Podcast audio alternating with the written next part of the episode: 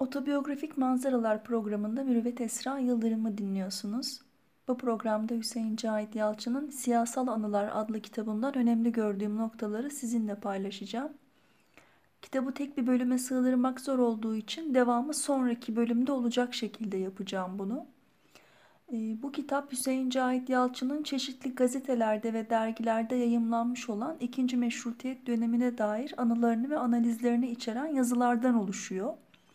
Zaten anlatmaya da 24 Temmuz 1908 tarihinden başlıyor. Yani ikinci meşrutiyetin ilan edildiği günden. Ee, o gün gazetelerin ön sayfasında yer alan resmi bir duyuruda 1876 yılına ait anayasanın tekrar yürürlüğe girdiğini görüyor. Bu ne demek? İmparatorluğun ikinci meşrutiyet dönemi başladı demek. Ama Hüseyin Cahit duyuruyu Abdülhamit devrinin sona erdiğine inanamayarak okuyor. E, çünkü bu onun çevresinde yıllardır beklenen bir mucize. Bir de o kadar törensiz bir şekilde olup bitiyor ki her şey inanamıyor. E, bana törenlerin bize bir şeylere inandırma konusunda ne kadar etkili olduğunu düşündürdü aslında anlattığı şeyler. Heyecanla dışarı çıkıyor ama görüyor ki sıra dışı olan hiçbir şey yok. Bu arada bir süre önce arkadaşları onu evinde ziyaret etmiş ve meşrutiyetin tekrar yürürlüğe girmesi için Selanik'te gizlice çalışan silahlı bir örgütten bahsetmişler. Aynı örgütün İstanbul'da da örgütlenmeyi planladığını e, ve ona destek olduklarını söylemişler. Hüseyin Cahit silahlı işlerden hoşlanmadığı için bundan çok haz etmeyip muhbirlerle dolu İstanbul'da örgütlenmenin imkansızlığından bahsetmiş onlara. O günde İstanbul'a bakıyor ve İstanbul'un meşrutiyet ve meşrutiyetçilik sözlerini gazetede görmekten bile korktuğunu düşünüyor. Merakla gazetecilerin yoğunlukla bulunduğu Babali Caddesi'ne gidiyor. Hemen eskiden beri alışveriş içinde olduğu Karabet'in dükkanına uğruyor. Karabet'i de en az kendi kadar şaşkın buluyor. Onunla sohbet ederken arkadaşı Abdullah Zühtü'nün yürüyerek geçtiğini görüyor ve hemen peşine takılıyor. Bu sefer insanların olan bitenin farkında olup olmadığına birlikte bakıyorlar. Ama tabii herkes hayatına hiçbir şey olmamış gibi devam ediyor. E, günlerden cuma olduğunu hatırlayınca bu sıradanlığı kesintiye uğratmak için bir plan yapıyorlar.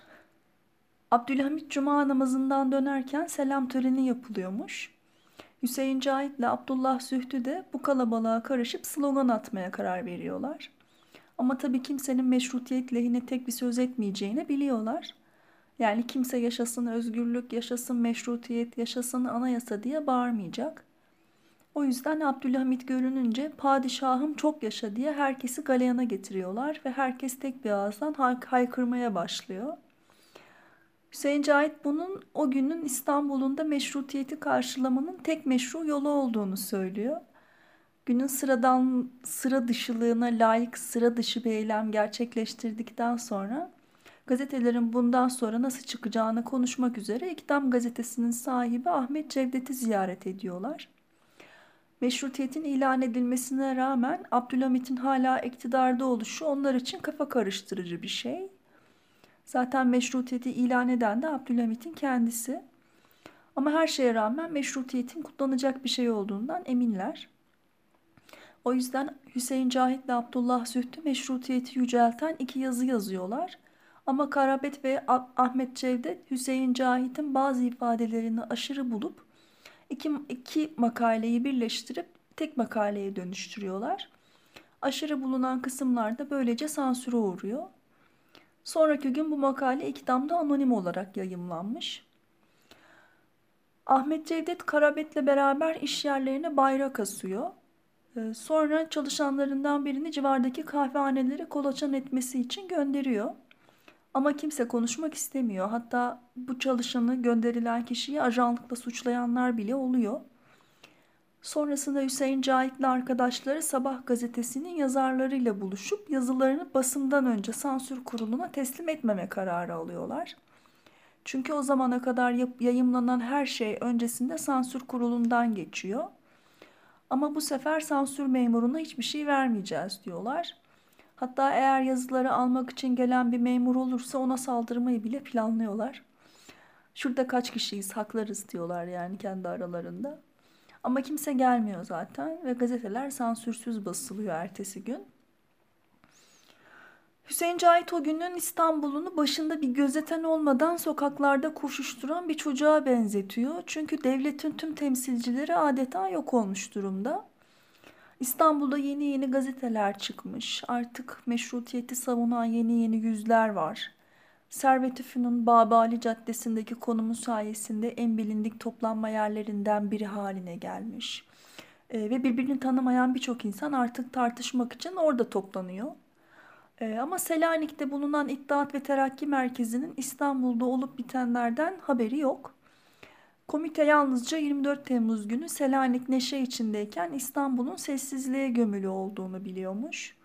Hatta bu nedenle komitenin temsilcisi olan Rahmi adlı biri durumu anlamak için İstanbul'a gelmiş ve inanmadıkları şeylerin savunuculuğunu yapan insanları görünce komite adına kimsenin konuşma yetkisi olmadığını belirtmiş.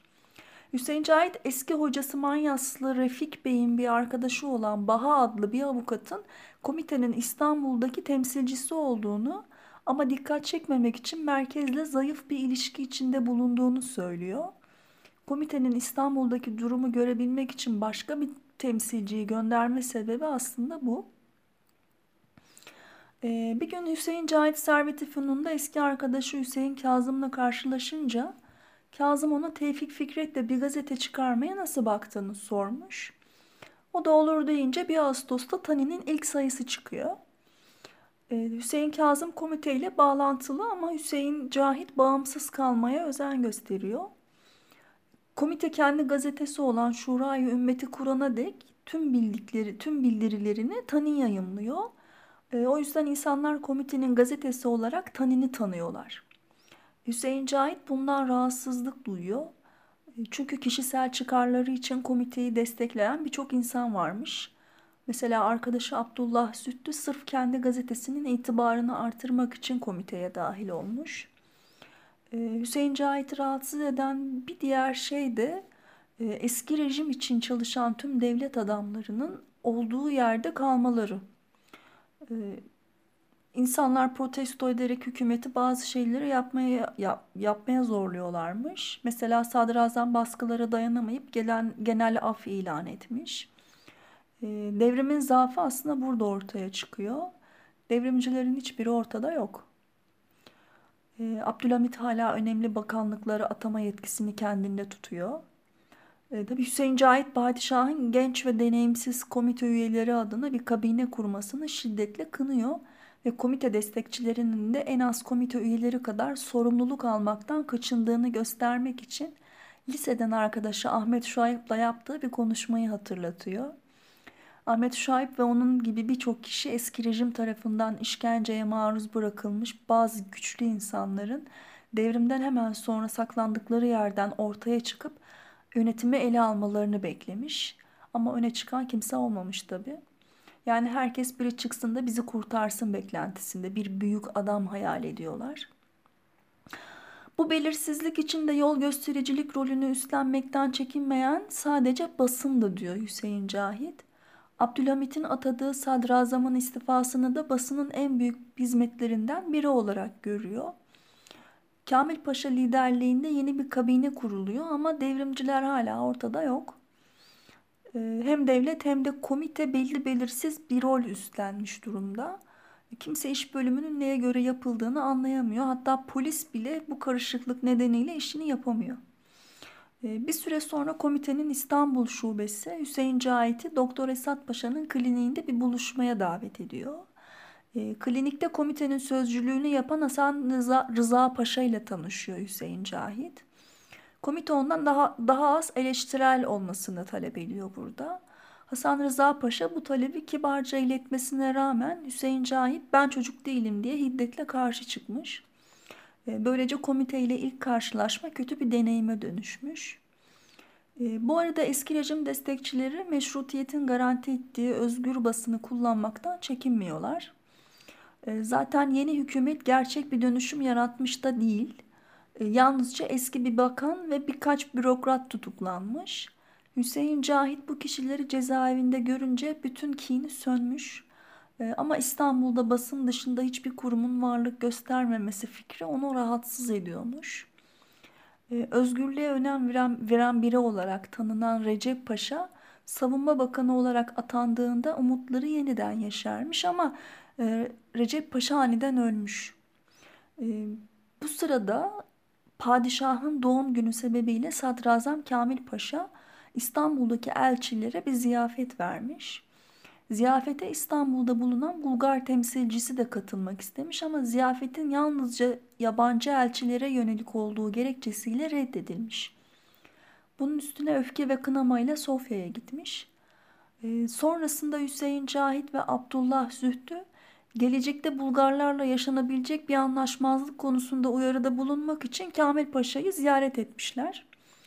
E, bu Hüseyin Cahit'in tıpkı Avrupa'daki gazetecilerin yaptığı gibi bir politikacıyla ilk görüşme girişimiymiş. Hatta interview yazmış kitabında da İngilizcesini kullanarak. E, ama sadrazamla tanışınca onun biçimsizliğinden, bakımsızlığından, görünüşünden, her şeyinden hayal kırıklığına uğramış. Ve şöyle tarif ediyor onu.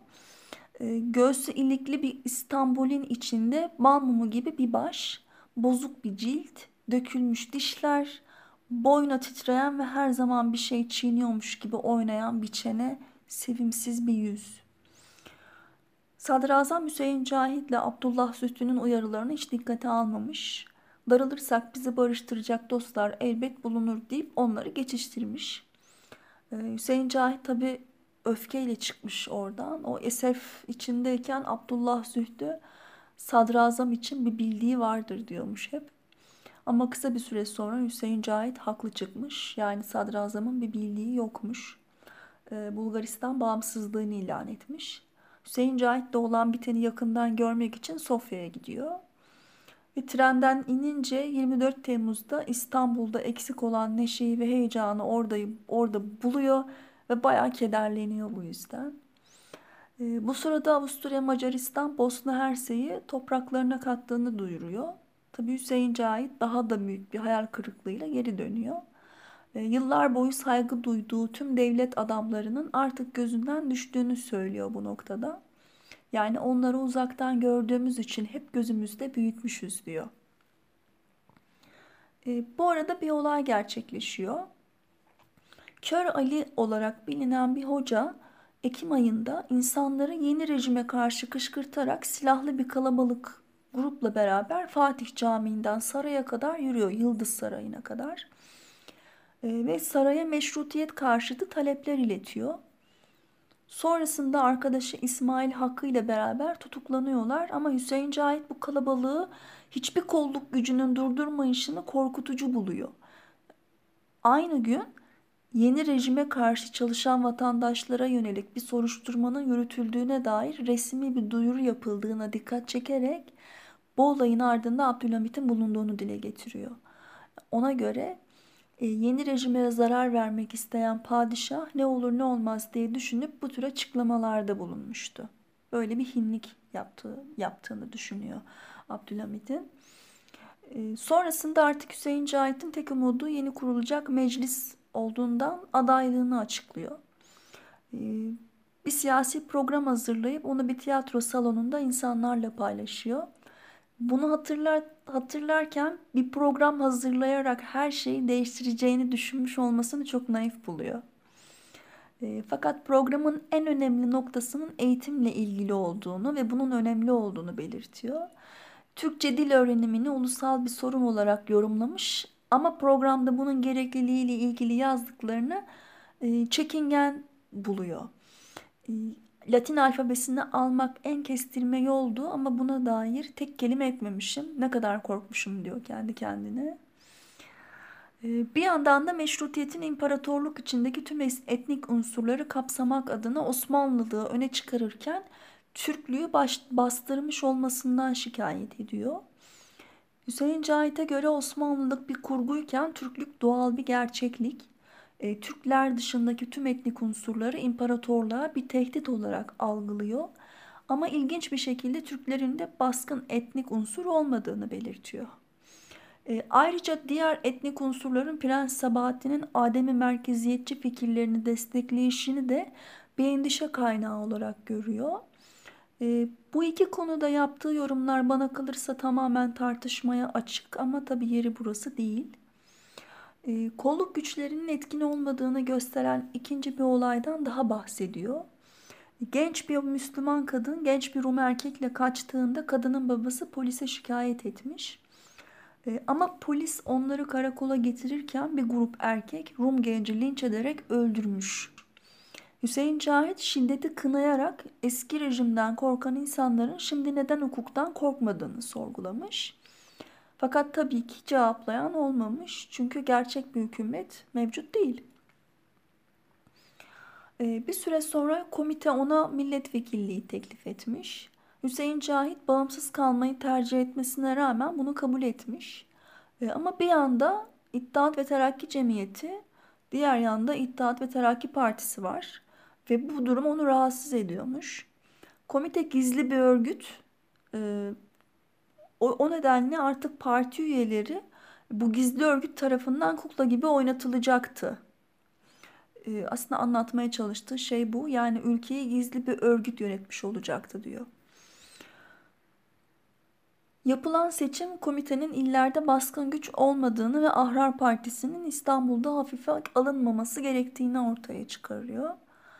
Ee, seçimin ardından Abdülhamit parlamentoyu bir konuşmayla açıyor ve yeni meclisin onuruna bir ziyafet veriyor.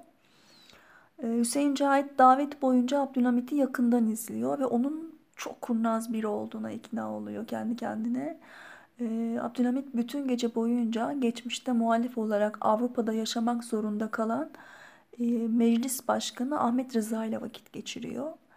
Ee, geçmişte saraya hizmet hizmet etmesi için birçok teklifte bulunarak ikna edemediği bu adamı gönlünü bardağına bir bardak su koyarak almayı başarmış. Yani bu adamın gönlünü bardağına bir, su, bir bardak su koyarak al, alıyor Abdülhamit. Hüseyin Cahit o gece Ahmet Rıza'nın Abdülhamit'in mütevazi kişiliğiyle büyülendiğine inanıyor ve e, onun padişahla Avrupa'da yaşadıklarını bir tatile gitmişçesine hikaye edişine bayağı öfkeleniyor. E, ona göre Abdülhamit'in ikinci meşrutiyet korkuları o gece sonlanmış. E, bu arada bir olay daha yaşanıyor. 28 Şubat 1909 tarihinde iki adam şeriat yönetimine taraftar kazanmak için kapalı çarşıda imza toplamaya başlamış. E, meşrutiyete açıkça karşı çıkmamışlar ama dini bir yönetim talep ediyorlarmış. Bu olay üzerine Hüseyin Cahit şeriat isteriz başlıklı bir yazı yazıp gericilikten şikayet etmiş. Sonra da e, şöyle bir şey olmuş. Sadrazam Hüseyin Hilmi Paşa e, Hüseyin Cahit ile buluşup yazının padişahı rahatsız ettiğini söylemiş. E, Hüseyin Cahit yazının padişahla hiçbir ilgisi olmadığını belirtmiş ama kafası yine padişahın meşrutiyete karşı bir şey planlayıp planlamadığı konusunda karışmış. Ee, sonrasında 7 Nisan tarihinde Muhafazakar Serbestlik gazetesi yazarlarından Hasan Fehmi Bey sokakta vurularak öldürülüyor. Bu olay Hüseyin Cahit'i derinden etkilemiş ve siyasetin karanlık yüzünü sorgulamaya o zaman artık başlamış. Ee, cenazeye katılmaya niyetlenmiş ama arkadaşları muhtemel bir saldırıdan korkarak onu durdurmuşlar. Ama meşrutiyet karşıtları bu olayı kendi lehlerine kullanmaktan kaçınmamış. Askerler bile hükümeti protesto etmeye başlamış ve bazı muhafazakar gruplar hükümetin kendilerine yakın kimseleri önemli pozisyonlara ataması için taleplerde bulunmuş. Ee, bunların hepsi tabi 31 Mart vakası olarak bilinen olayın ayak sesleri. 13 ee, Nisan e, Rumi takvime göre 31 Mart tarihinde e, Hüseyin Cahit her zamanki gibi evinden çıkıyor ama bir tramvay bulamayınca dışarı çıktığında şaşırıyor.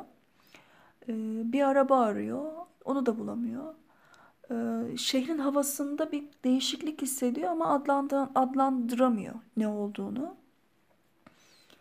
Caddede yürürken arkadaşları Süleyman Fehmi ile Hakkı Behiç'i görüyor.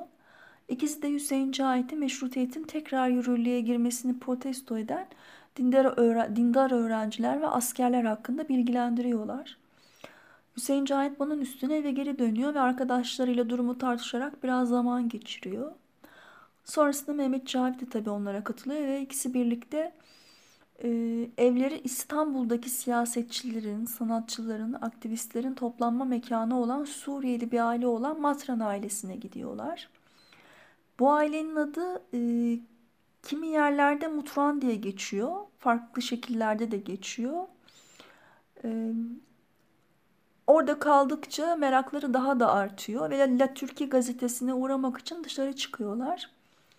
Ne zamanki arkadaşları Seon Ayasofya meydanında toplanan kalabalığın dini bir yönetim talep ettiğini ve Tan'ın gazetesinin de yağmalandığını söylüyor. Ancak o zaman Hüseyin Cahit olayın ciddiyetini algılıyor. Bu arada Seon'un söylediği zaman Tan'in gerçekten yargı, ya, yağmalanmış değil ama sonrasında gerçekten de yağmalıyorlar. Ee, diğer arkadaşlarını görmeyi umarak Matran ailesinin evine geri dönüyor. Ee, kısa bir süre sonra siyasetçiler gelip gitmeye başlıyorlar. Onlardan biri de Laskiye milletvekili Mehmet Aslan. Ee, ama o o da dayanamayıp beklemeye dayanamayıp etrafı kolaçan etmek için dışarı çıkıyor. Onun gidişi üstüne Hüseyin Cahit Beyoğlu'ndaki Serk Doryan adlı kulübe gidiyor. Ancak orada yine kimseyi bulamıyor. Sonrasında yine bilindik başka bir mekan olan Tokatlayan, Tokatlayan Oteli'ne gidiyor. Ve orada Maten gazetesinden bir muhabirle karşılaşıyor. Muhabir ona kalabalığın onu öldürmek istediğini söyleyince matranların evinde beklemeye karar verip geri dönüyor. Artık ev milletvekilleriyle dolu halde tabii ama Mehmet Aslan hala geri dönmüş değil. Onu bekleyerek saatler geçiriyorlar ama dönmüyor. Suriyeli bir misafir olan Alfred Sursak daha fazla dayanamayıp dışarı çıkıyor ve kısa bir süre sonra solgun bir yüzle geri dönüyor. Kalabalığın Hüseyin Cahit'i öldürmek istediğini haber veriyor onlara. Sonrasında Hüseyin Cahit Seon'dan Mehmet Aslan'ın kendisi zannedilerek öldürüldüğünü bildiren bir not alıyor. Artık kendi ailesi hakkında endişelenmeye başlıyor. E, Matran ailesinin bir çalışanıyla eşine bir not gönderiyor. Eşi kardeşinin evine gittikten sonra biraz olsun rahatlıyor ama ne yapacağını henüz karar verememiş durumda. E, bu arada Ayasofya meydanında olan biten her şey meclisten görünüyormuş. E, ve o gün orada bulunan milletvekili Babanzade İsmail Hakkı şahit olduklarını daha sonra Tanin gazetesinde Cehennem gibi bir gün başlığıyla aktarmış. Kitapta bu yazı da mevcut ve çok ilginç bir yazı gerçekten. Ee, Babanzade İsmail Hakkı meydandaki askerleri vekil olduğuna zar zor inandırıp meclise gidiyor. Ee, ve ancak 25 vekilin orada olduğunu görüyor. Başlarında da 5-6 silahlı asker var.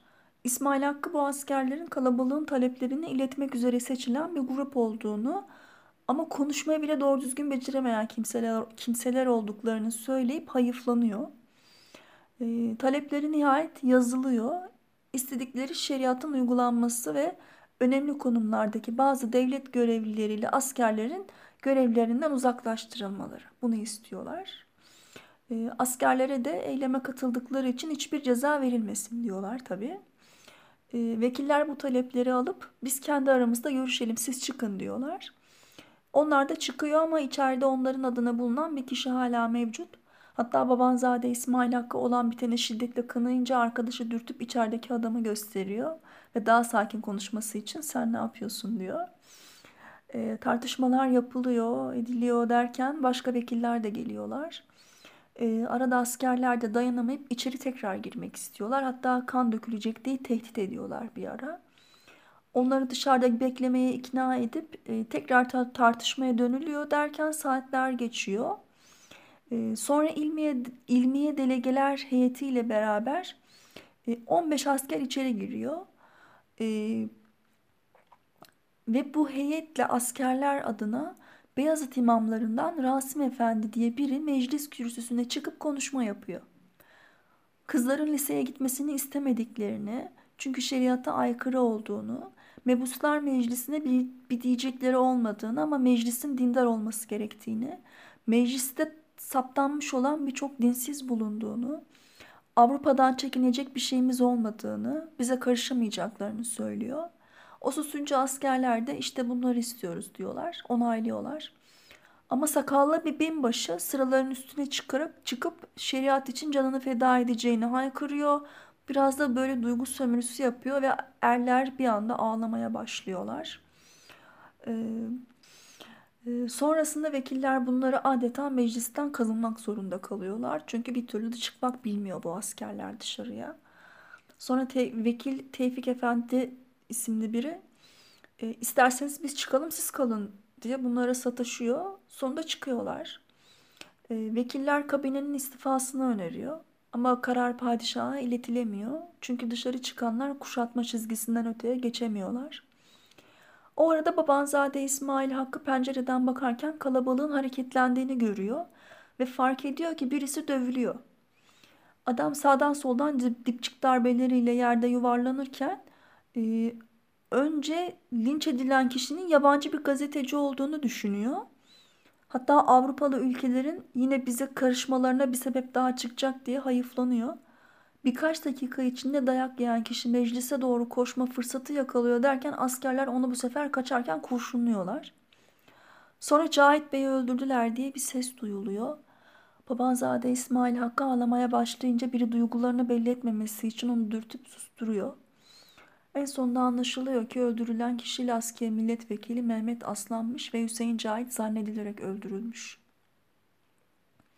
Dışarıda bunlar olurken matranların evindeki Mehmet Cavit de Avusturya elçiliğine sığınmayı teklif ediyor. Nadra Matran e, Hüseyin Cahit ile beraber e, Hüseyin Cahit ile Mehmet Cavit'e e, Avusturyalı bir gazeteciye ulaşmaları için yardımcı oluyor. Ama gazeteci üstü kapalı bir red cevabı iletiyor. Bunun üstüne Hüseyin Cahit önceden haber vermeden Rusya elçiliğine gidelim diyor. Onlara sığınalım. Mehmet Cavit bunu kabul etmiyor e, bir komisyoncu arkadaşının evine sığınıyor. Hüseyin Cahit de elçiliğe gidiyor ve bu fikir gerçekten de işe yarıyor. Rus elçi Zinoviev ona hayatının tehlikede olup olmadığını soruyor. Hüseyin Cahit de evet diyor tehlikede. O da onu ağırlamayı kabul ediyor. Elçilikte kalırken haberleri yakından takip ediyor. Bir grup asker meclis başkanının, sadrazamın, savunma ve denizcilik bakanının istifasını talep ediyormuş. E, gazete kendisinin ve kendisi gibi birçok askerin padişahı devre dışı bıraktıktan sonra dini yönetim vaadinde bulunan komite tarafından kaldırıldığını öne süren bir askeri alıntılamış. E, askerler Hasan Fehmi adına adalet arıyormuş ve komiteyi katili saklamakla suçluyorlarmış.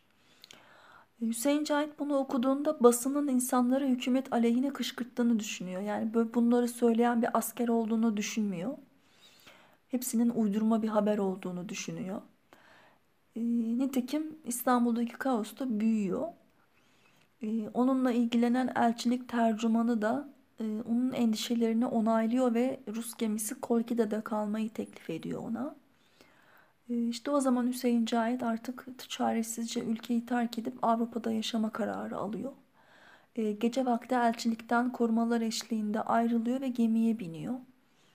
Sonrasında Mehmet Cavit de ona katılıyor ve Odessa'ya doğru yol alan Kraliçe Olga adlı ticari bir gemiye transfer ediliyorlar. Ee, evet, başta söylediğim gibi bu kitabı tek bir bölüme sığdırmak zor olduğu için parça parça aktaracağım. Ee, dinlediğiniz için teşekkür ederim.